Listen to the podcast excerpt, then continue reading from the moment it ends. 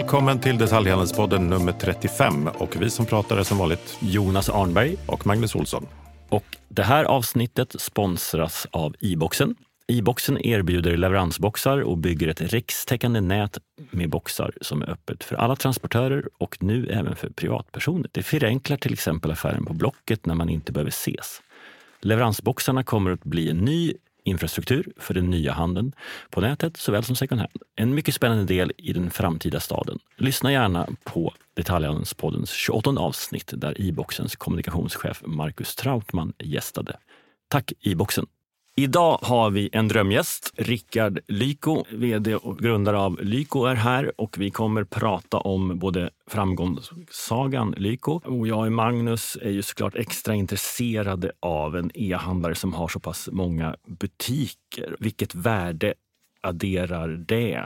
Och hur växer man både butik och nät? Och hur ser planen ut att växa från 2 till 4 miljarder och göra en dubbling igen? Varmt välkommen Rickard Lyko. Stort tack för att jag får vara här. Du kan väl berätta först om Lyko och eh, dig själv så kommer vi strax in på handelns förändring.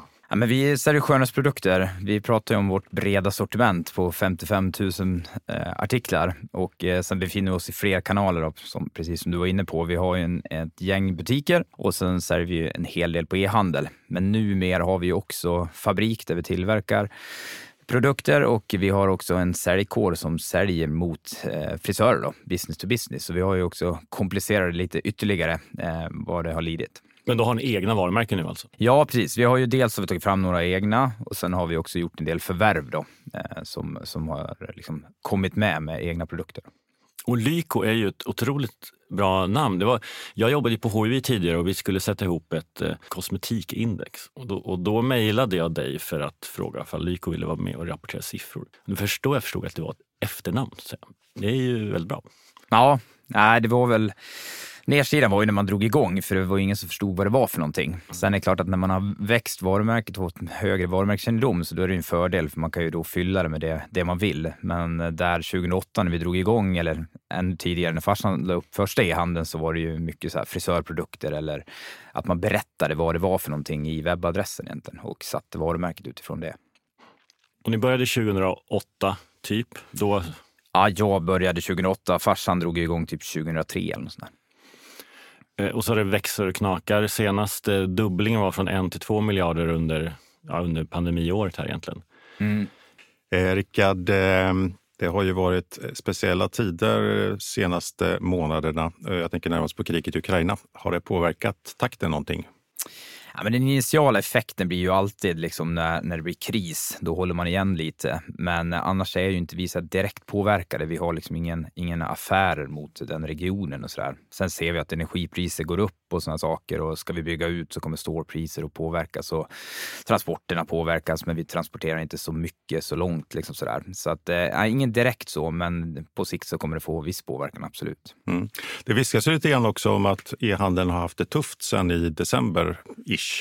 Eh, hur mycket av, av den långsiktiga tillväxten tror du är pandemi, pandemieffekt och hur mycket är, är bra eller dåliga affärsidéer? Ja, men man har ju alltid en pandemieffekt eh, och det, man glömmer lätt av det där. Att eh, jämförelsesiffrorna mot pandemin och vi fick ju en förflyttning liksom, mot e-handeln och framförallt den äldre målgruppen som hittar ut i e-handeln och eh, när retail drar igång sen så är det klart att du får en återgång till retail. Så att det får en påverkan, det får det definitivt. Sen tror vi väl att den långsiktiga förflyttningen kommer fortfarande finnas där, men den var ju boostad av pandemin. Och handeln generellt har ju förändrats sen, sen ni startade, men ni har ju också varit med och förändra handeln. Jag tänker på köpet av Makeup Store här som kom lite grann som en, åtminstone för, för oss, som en blixt från klar himmel. Hur tänkte ni där? Det sjuka är också att vi har ju sen dess, jag och Magnus håller väldigt mycket föreläsningar och det kan man också boka på magnus.olsson.detaljhandelspodden eller jonas.arnberg.detaljhandelspodden.com. Men sen ni gjorde det, då har jag sagt så här, Lyko köpte eh, Makeup Store för 11 miljoner kronor. Samtidigt gick värderingen upp med 160 miljoner kronor.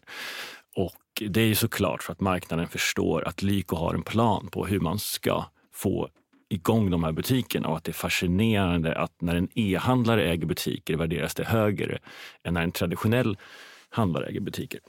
Och så har jag framstått som klok som säger det här. men egentligen vet jag inte vad jag snackar om. Nu kan vi inte få höra vad det är, var, varför. Hade ni någon plan? Eh, ah, just, alltså, ja, en plan fanns väl, men just Makeup Store var väl lite eh, en blixt från klar himmel för oss också. Det var ett konkursbod som vi var inne och budade på egentligen, för det är så det fungerar. Så att eh, vi la ett bud och vi visste ju inte förrän dagen efter om vi hade vunnit budet och då ägde vi Makeup Store.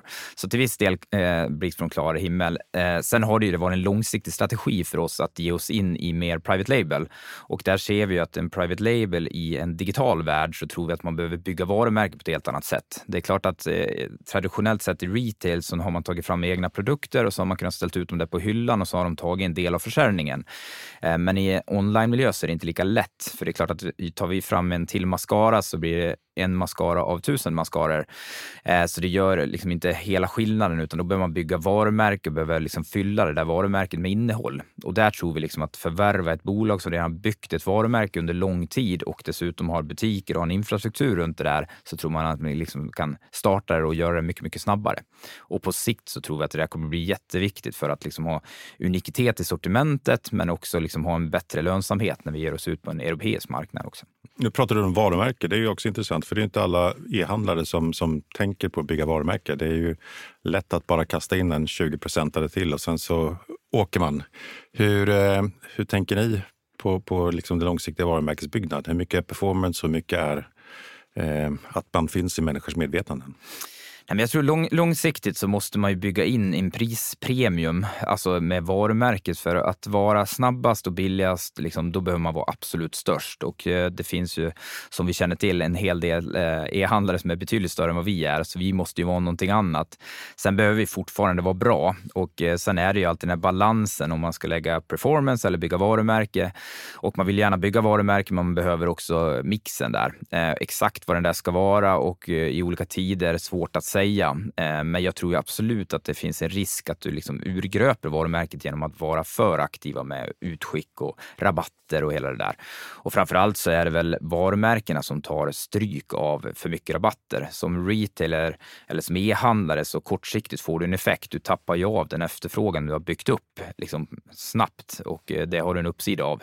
Eh, men på sikt så, så drar du ner den snarare. Mm. Ser, ser, du att ni har haft Eh, en, en, en bättre liksom, eh, utgångspunkt så tillvida att ni samtidigt som ni vuxit online också har haft butiksnätet? Eller vad, och nu tänker jag på, på Lyko-butikerna eller salongerna. Eh, vad, hur, hur har ni sett det? Ja, men det var ju 2014 när vi gick samman med Bellbox. Då såg vi det här butiksnätet och tittade om vi skulle liksom gå ihop gemensamt. Och innan dess hade vi gjort tv-reklam. Och när vi gjorde tv-reklamen då fick vi den här känslan bara wow, vad stort det är för de syns på tv. Och vi fick ungefär samma reaktion när vi liksom flaggade om de här Bellbox-butikerna till Lyko. För då var det på riktigt och man såg de här överallt.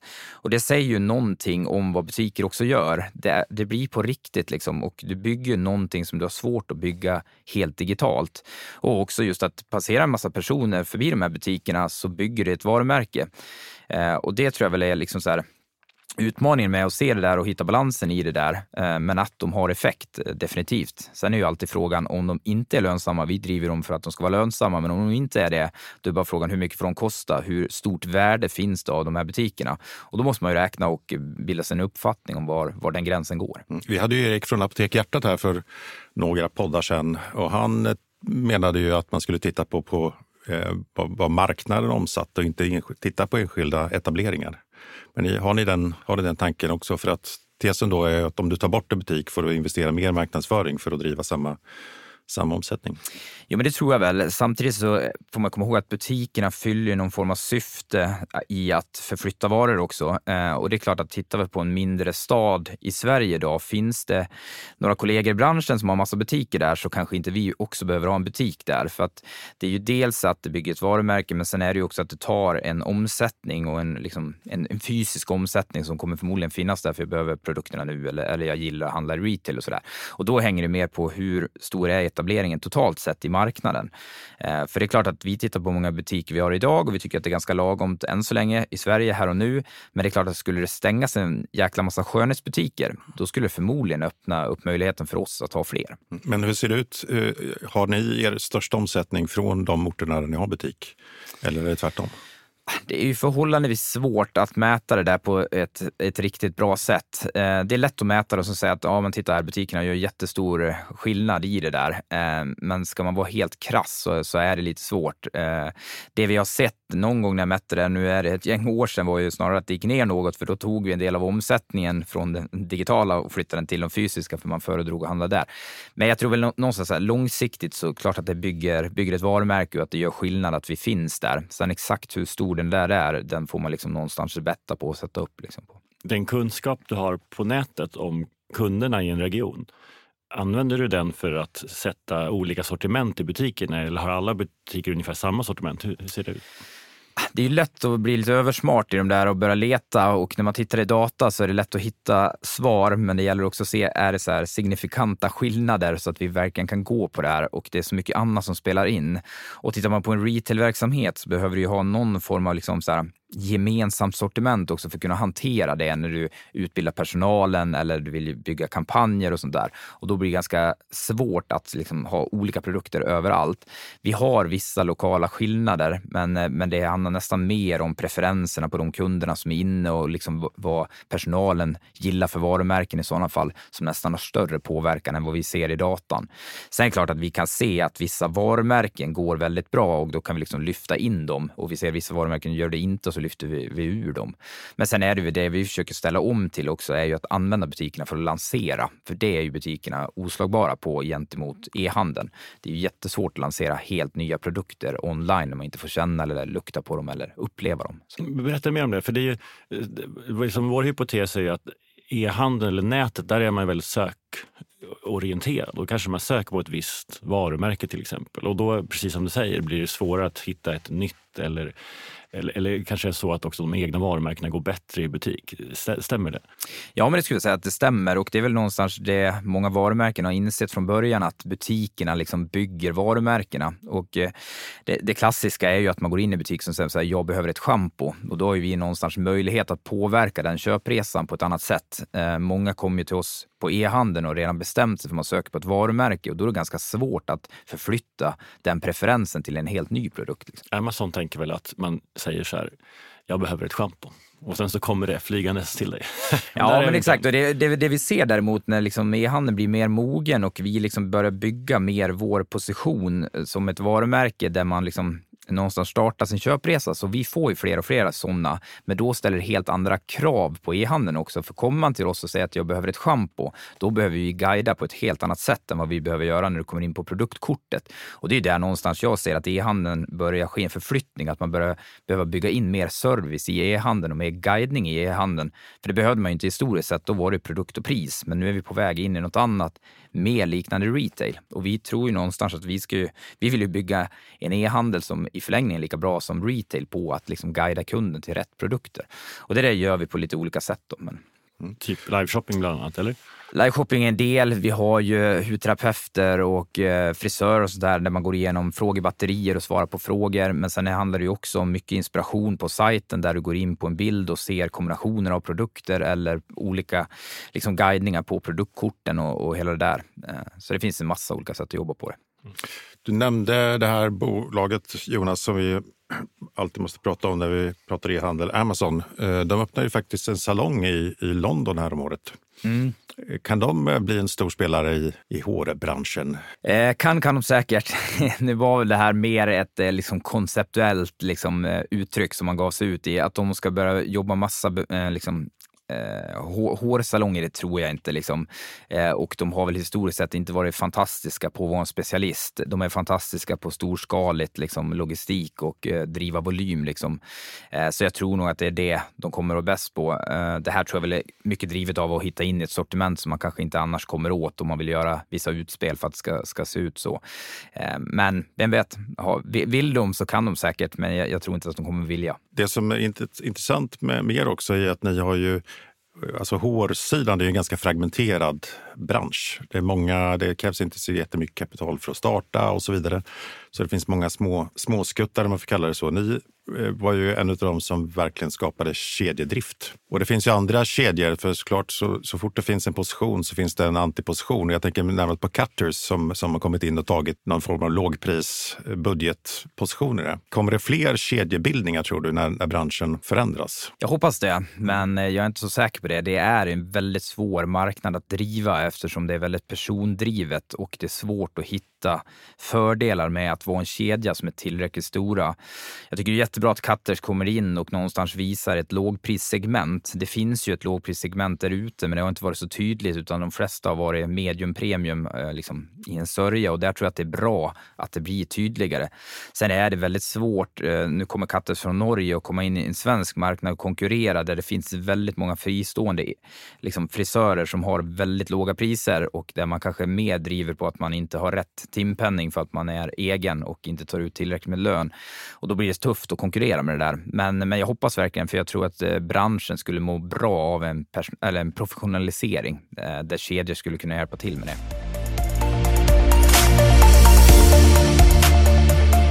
Rickard, eh, tillbaka till e-handelaffären som ju går otroligt bra. Eh, kan du inte berätta vilka marknader ni finns på? Sverige såklart, som eh, jag antar är den absolut största. Men vilka, vilka mer finns ni på och vad har ni för expansionsplaner?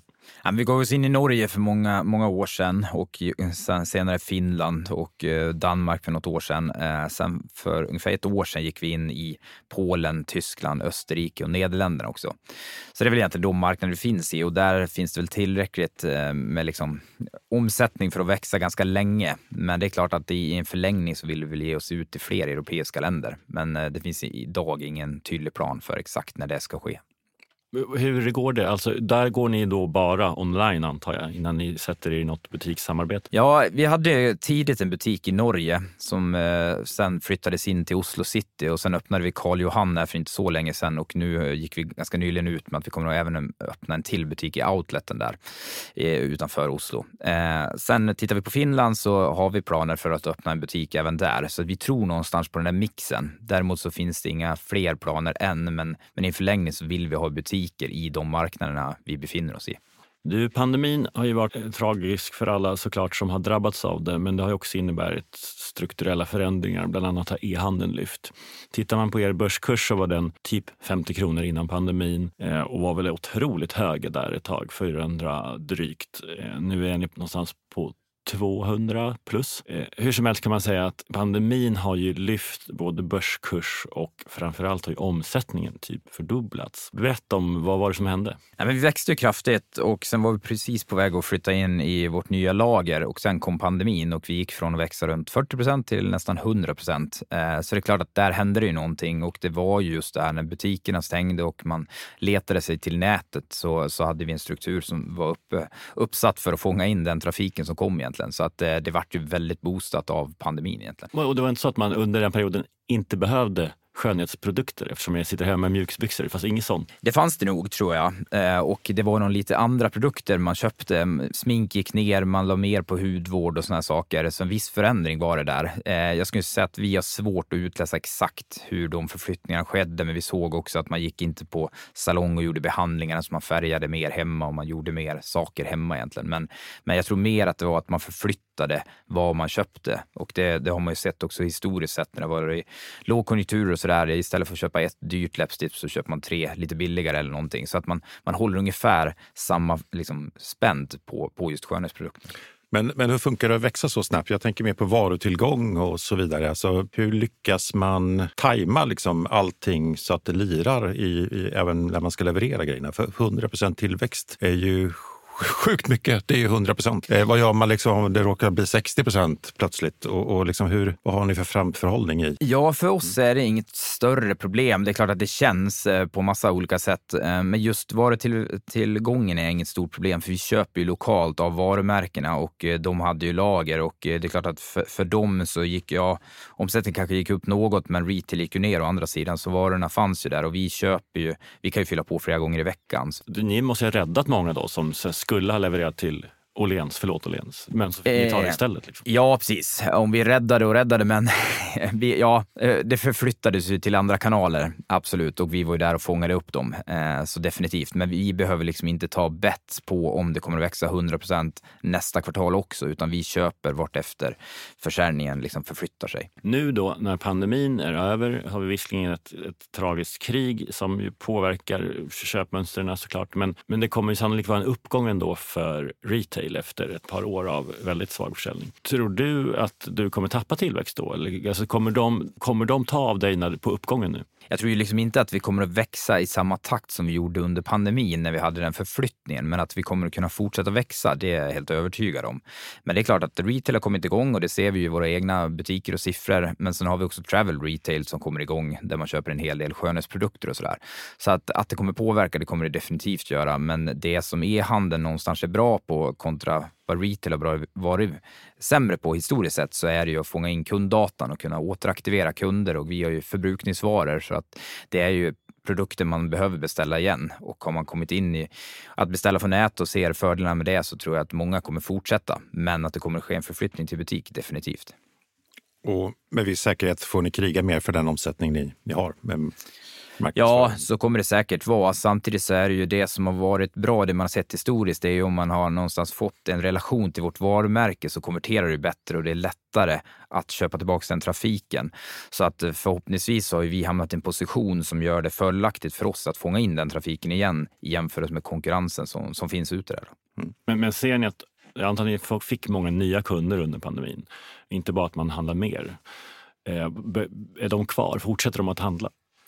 Ja, men det ser de ut att, att göra. Sen är det ju, liksom, är inte liksom, tillväxten lika stor, så någonstans minskar det ju in. Liksom, eh, och det kommer det ju att göra. Sen om det kommer vara att vi har svårare att hitta ny kund eller om befintliga kunder handlar liksom var tredje gång i butiken och, och sådär, det, det får vi lite se. Det är lite tidigt att säga än. Omsättningen har ju dubblats, men vinsten har gått ner. Är, det så det är? Slåss ni med låga priser eller varför blir det så? Nej, men vi, ser att vi, vi fortsätter investera för vi vill fortsätta växa och bygga varumärke och, och investerar i, i bolaget och i organisation. Och vi har ju någonstans byggt en organisation för att liksom, bli större. Så att hade vi stannat här och nu så hade vi kunnat dra ner på en jäkla massa kostnader. Däremot så ser vi ju liksom att eh, logistikkostnader och effektiviteten på, på liksom hela affären blir bättre och bättre. Eh, för vi, det kostar oss mindre att skicka iväg ett paket nu än vad det gjorde för, för något år sedan. Liksom. Så vi har ju blivit mer effektiva på det sättet. Men sen har vi också gett oss in i massa nya marknader som fortfarande kostar. Så det är klart att lönsamheten är ju högre i befintliga marknader där vi har byggt varumärke på ett annat sätt. Och, och det ni bygger nu, vad är, vad är ambitionen? Vad siktar ni på? Är det liksom 10 miljarder eller har ni satt upp någon sån? Ja, vi har ju satt 10 miljarder 2028 och det satte vi när vi omsatte en miljard. Och det är väl lite utifrån att tänka tio gånger större än där vi befinner oss. Just för att utmana också i att tänka, ska vi tänka tio gånger större, då måste vi tänka om affärsidéerna och måste tänka liksom hur tar vi oss dit och vad är det som kommer att krävas för att få ta sig dit. Och då är det ju ofta något helt annat än det som har tagit oss till den första miljarden. För, för det är intressant, eh, tycker jag. Inte minst när vi pratar nu när, när många e-handlare börjar bli stora. Man är inte den här lilla startupen längre som kan kasta in en kampanj och så växer man och, och så kan man räkna på, ja, nu fick vi det här return on ad spend, utan det blir helt andra mekanismer. Eh, hur, hur tror du att skillnaden från att gå från noll till en miljard. Eh, jag räknar inte de här en till två, för, eh, vi, vi, för att vara lite taskig då, så är det pandemidrivet säger vi.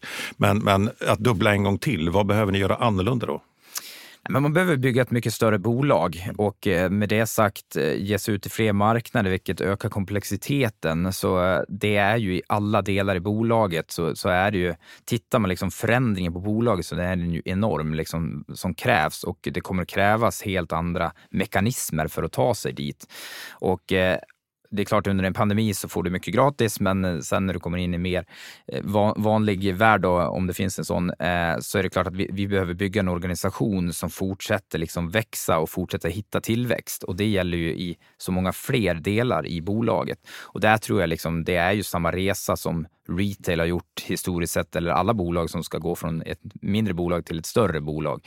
Så det är mycket organisation, mycket människorna. Men du, du nämnde också att ni har 55 000 artiklar. Är, är hemligheten att öka till 100 000 eller hemligheten att eh, använda marknadsföringen på något annat sätt? Eller hur, hur tänker du mer i det är väl lite kombinationen, men framförallt så är det ju någonstans att det är jobbigare att bara växa på befintlig marknad, för den kommer bli tuffare om man når en viss liksom, eh, marknadspenetration. Så det gäller att ge sig ut till fler marknader och eh, då handlar det mycket om att bygga varumärke i de marknaderna.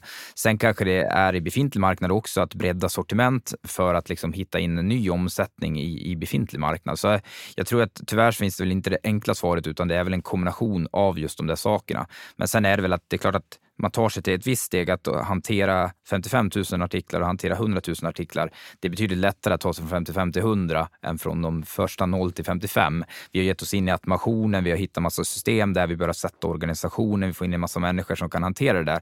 Så jag säga att nu är vi ju världsriggade för att fortsätta växa och det är väl egentligen det vi har fokuserat väldigt mycket på, att förbereda organisationen för att bli mycket, mycket större. Men du, och var en ser du någon stor skillnad nu då när ni är mycket större? Är det skillnad på att vara ett storbolag mot att vara en startup? Ja, väldigt mycket. och framförallt så är det mycket mer människor som måste med. Och eh, det, det viktiga någonstans är ju att alla människor fortsätter utveckla bolaget där och att man liksom i varje del i bolaget också fortsätter utveckla den delen för att bli bättre. För man behöver bli bättre och man behöver bli större och man behöver kunna hantera den här tillväxten. Och det är något helt annat när man blir fler och det blir större volymer. Så jag skulle säga att de flesta delarna har förändrats väldigt, väldigt mycket och mycket handlar om att just bygga organisationer organisation. Bygger man en stark kultur och en bra organisation, då liksom kan man möta det mesta tror jag. En annan utmaning, Rickard, med tillväxtbolag, det är ju, du har varit inne några gånger på att, att eh, organisationen behöver växa. Men hur attraherar man kompetens i, när alla vill ha samma kompetens? Ja, jag önskar att jag hade ett bra svar på det.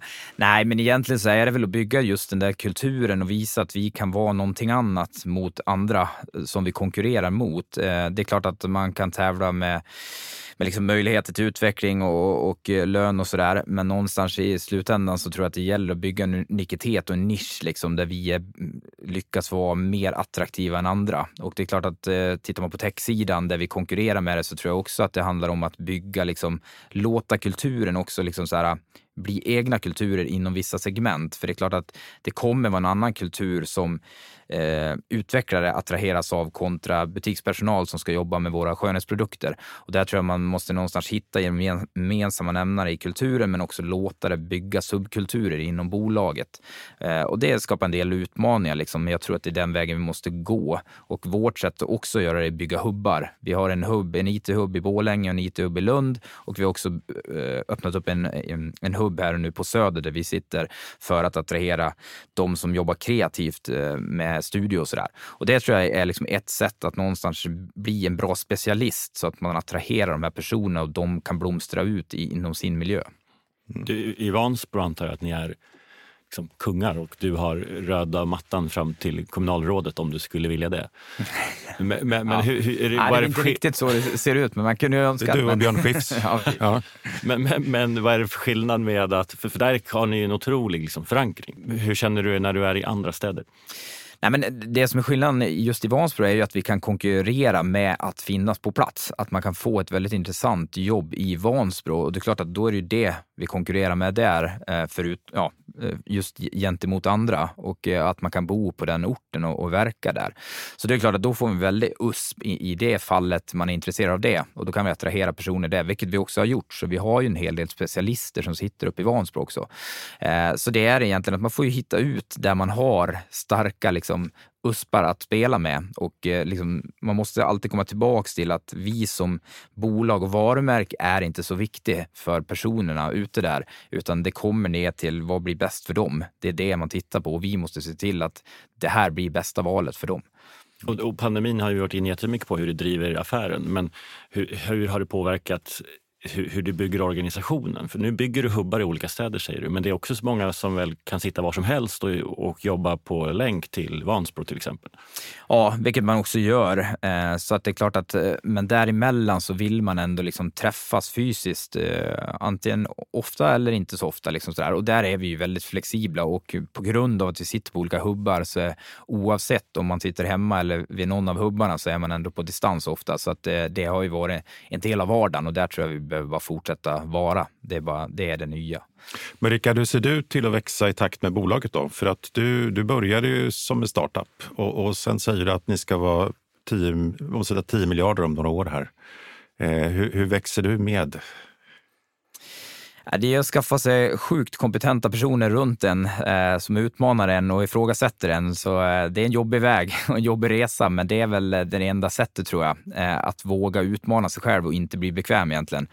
Eh, så att eh, nej, enklaste sättet att, att, utvecklas tror jag är att ta in riktigt, riktigt duktiga människor runt, runt en som, som vågar och kan utveckla mig.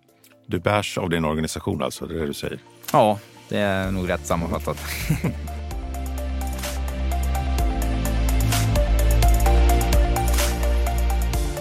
Rea, kampanjer, olika deals är väldigt viktigt för att driva e-handelsaffären. Hur, eller hur viktigt är det att liksom hela tiden synas och eh, hur ser du på det?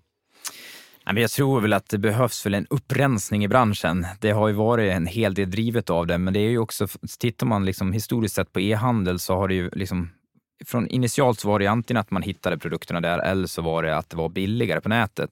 Och det tror jag liksom har ju levt kvar en del. Och sen är det klart att i e-handel så hamnar du mer i en perfekt marknad kontra en retail. Det är ju ett klick bort att hoppa in i nästa e-handel och beställa och är det ungefär samma produkter och samma leveransvillkor och sådär så är det väldigt lätt att göra det och då kommer det mycket drivet till pris och vissa produkter blir extremt prisdrivna. Och där tror jag att en del av jobbet ligger också hos varumärkena. Att eh, initialt man getts ut i e-handeln har man tänkt retail, fler dörrar, bättre. Och i en e-handelsvärld så kanske det inte alltid är så, utan är man på för många dörrar så är det klart att du har en etta och en tvåa som, som kan leva i marknaden. Resterande kommer att kriga och de behöver göra det ofta på pris, för det är där man kan hitta volymen. Så det tror jag väl är en del av, av problematiken i e-handel, där det liksom e handeln behöver hitta in i en mer mognad fas. Liksom. Ja, för att, att sälja varumärken på nätet med den galna pristransparens och konkurrens som finns eh, känns svårt. Kommer marginalerna liksom fortsätta, eller kan de ens gå ner ytterligare? Ja, det är lite olika i olika liksom branscher och produkter och sådär. Men, men det är klart att vi har ju också haft en genre av riskkapitaldrivna e-handlare som inte har tittat på lönsamheten speciellt mycket utan bara driver på omsättning. Och det är klart att då är det lättaste är att ligga lågt i pris och vara snabb på leveransen och göra en massa marknadsföring. Liksom det, det, det funkar och då får du en massa omsättning, men den är ju inte hållbar. Och jag tror att risken är ju också att du driver in en väldigt prismedveten kund och du liksom någonstans sätter preferensen hos kunden att det ska vara på pris. Och där tror jag finns en jätteutmaning om man inte liksom bygger in andra värden i sitt varumärke än det. Där då... är vi väl redan. Alltså så, som konsument tar jag ju med att från eh, elektronikhandeln, det ska alltid vara rea. Från klädhandeln att det ska vara fria returer och från mathandeln att det ska komma på exakt en timme. Alltså man, man tar ju det bästa från allt och en sak är ju att jag alltid hittar ett, en kampanj någonstans.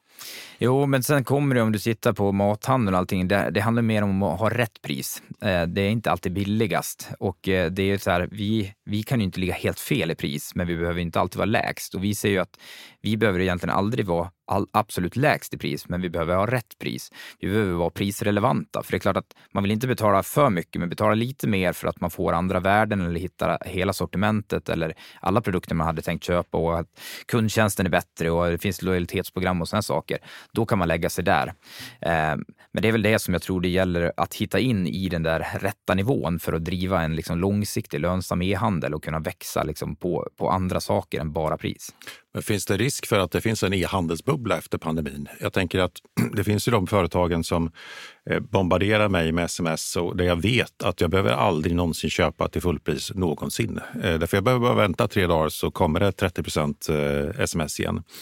jag tänker att de har ju kommit i ett läge där de uppenbarligen behöver det här för att hålla uppe volymerna och, och där marknadsföringen har blivit ett sätt att hantera likviditeten istället för att bygga, bygga tillväxt. Vad, vad tänker du om det?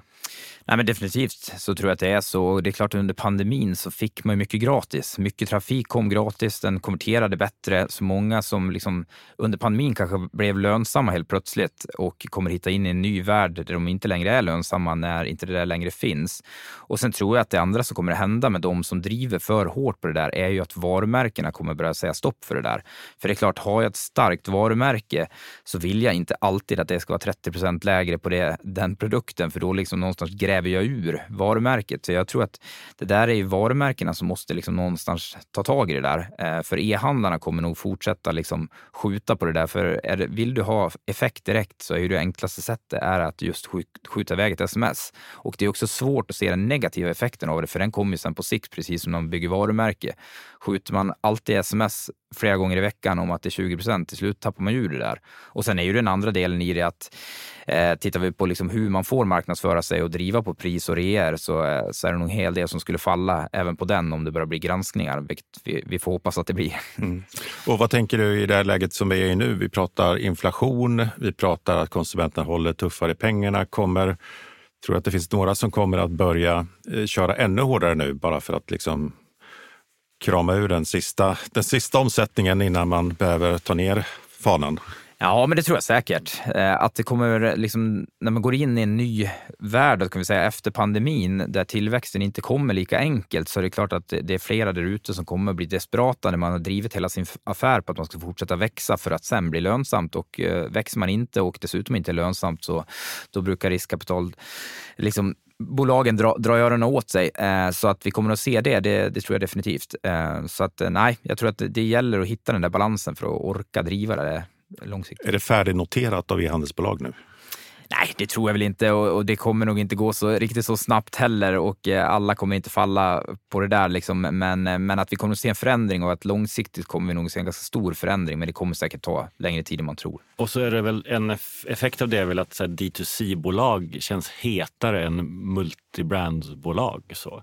Eh, vad tycker du om alla D2C-are? Ta Kaja till exempel som ju har växt eh, något otroligt och som är väl en, en stor konkurrent till er. Ja, men absolut. Och de är ju enormt duktiga. De sitter på en av Sveriges största liksom, marknadsföringskanaler och då är det väl förhållandevis, jag ska inte säga att det är lätt, men det är lättare i alla fall att driva direct to consumer, för det är ju annars nedsidan. Men, men Lyko reality show hade ju funkat. Ja, exakt. Jo, men verkligen. Nej, men jag tror det. Annars är ju den där, så här, utmaningen med direct to consumer är ju just att nå ut. Eh, när du väl har nått ut och eh, har högre marginaler så är affärsmodellen fantastisk. Men sen att eh, vara liksom aktuell hos din konsument om och om igen, det är det som är det svåra. Eh, och då gäller det att vara väldigt kreativ och komma med nya kollektioner eller vad det är då. Eller i Kaja-fallet att sitta på en sån stark kanal och då är det klart att då, eh, då är det helt rätt väg att gå. Nu skapade du en ny idé här. Du måste, måste nästan fakturera för den, Jonas. Ja. Lykos värld. Men, eh, ja, det, man vet aldrig. Det kanske dyker upp. Ja. vi har varit inne lite då, men för ni har ju ändå egna varumärken eh, mm. och ni trycker ut dem i butiken sa du, men har du något mer att eh, berätta för oss om strategin för de egna varumärkena? Nej, men det är väl just att vi behöver ju då tänka direct to consumer på det sättet att vi behöver bygga de här varumärken. Vi behöver bygga relationen till konsumenten och där blir det ju alltid en utmaning och en avvägning att lägga pengarna på att bygga Makeup Store eller Waterclouds eller Grasset eller Nessin kontra att bygga Lyko. Och, och där vi också hitta in i en balans i det där. Men framförallt så tror jag att vi behöver också liksom bygga varumärket och då ser man ju också nedsidan med att bygga egna varumärken kontra andras varumärken. För det är klart att även om vi har bättre marginal så gäller det ju att köpet också i faktiska siffror blir bättre. Eh, och på sikt så är det klart att eh, det blir bättre för att vi bygger ett värde i bolaget. Men, men jag, jag tror att det, liksom, det kommer vara en del av oss, men den största andelen kommer ju vara andras varumärken. Så, så för oss är det ju en, en kombination av det där. Skulle du kunna lägga ert varumärke på till exempel Zalando eller någon Ja, men idag så säljer vi mycket av våra varumärken i andra kanaler. Och tittar vi på de förvärven vi gjorde med Waterclouds och Grassetts, den största delen säljs ju hos andra. Den säljs hos andra frisörer och den säljs hos andra e-handlare. Eh, så att det är absolut. Du, de stora konkurrenterna, vart är ni någonstans? Är, är det inom retail? Är det liksom plattformarna? Är det D2C? Det går att dela upp handeln på, på, på många sätt. Ni är liksom överallt. Vart, eller, säg inte vart de konkurrenterna är. Vad, vad ser du den största potentialen framåt?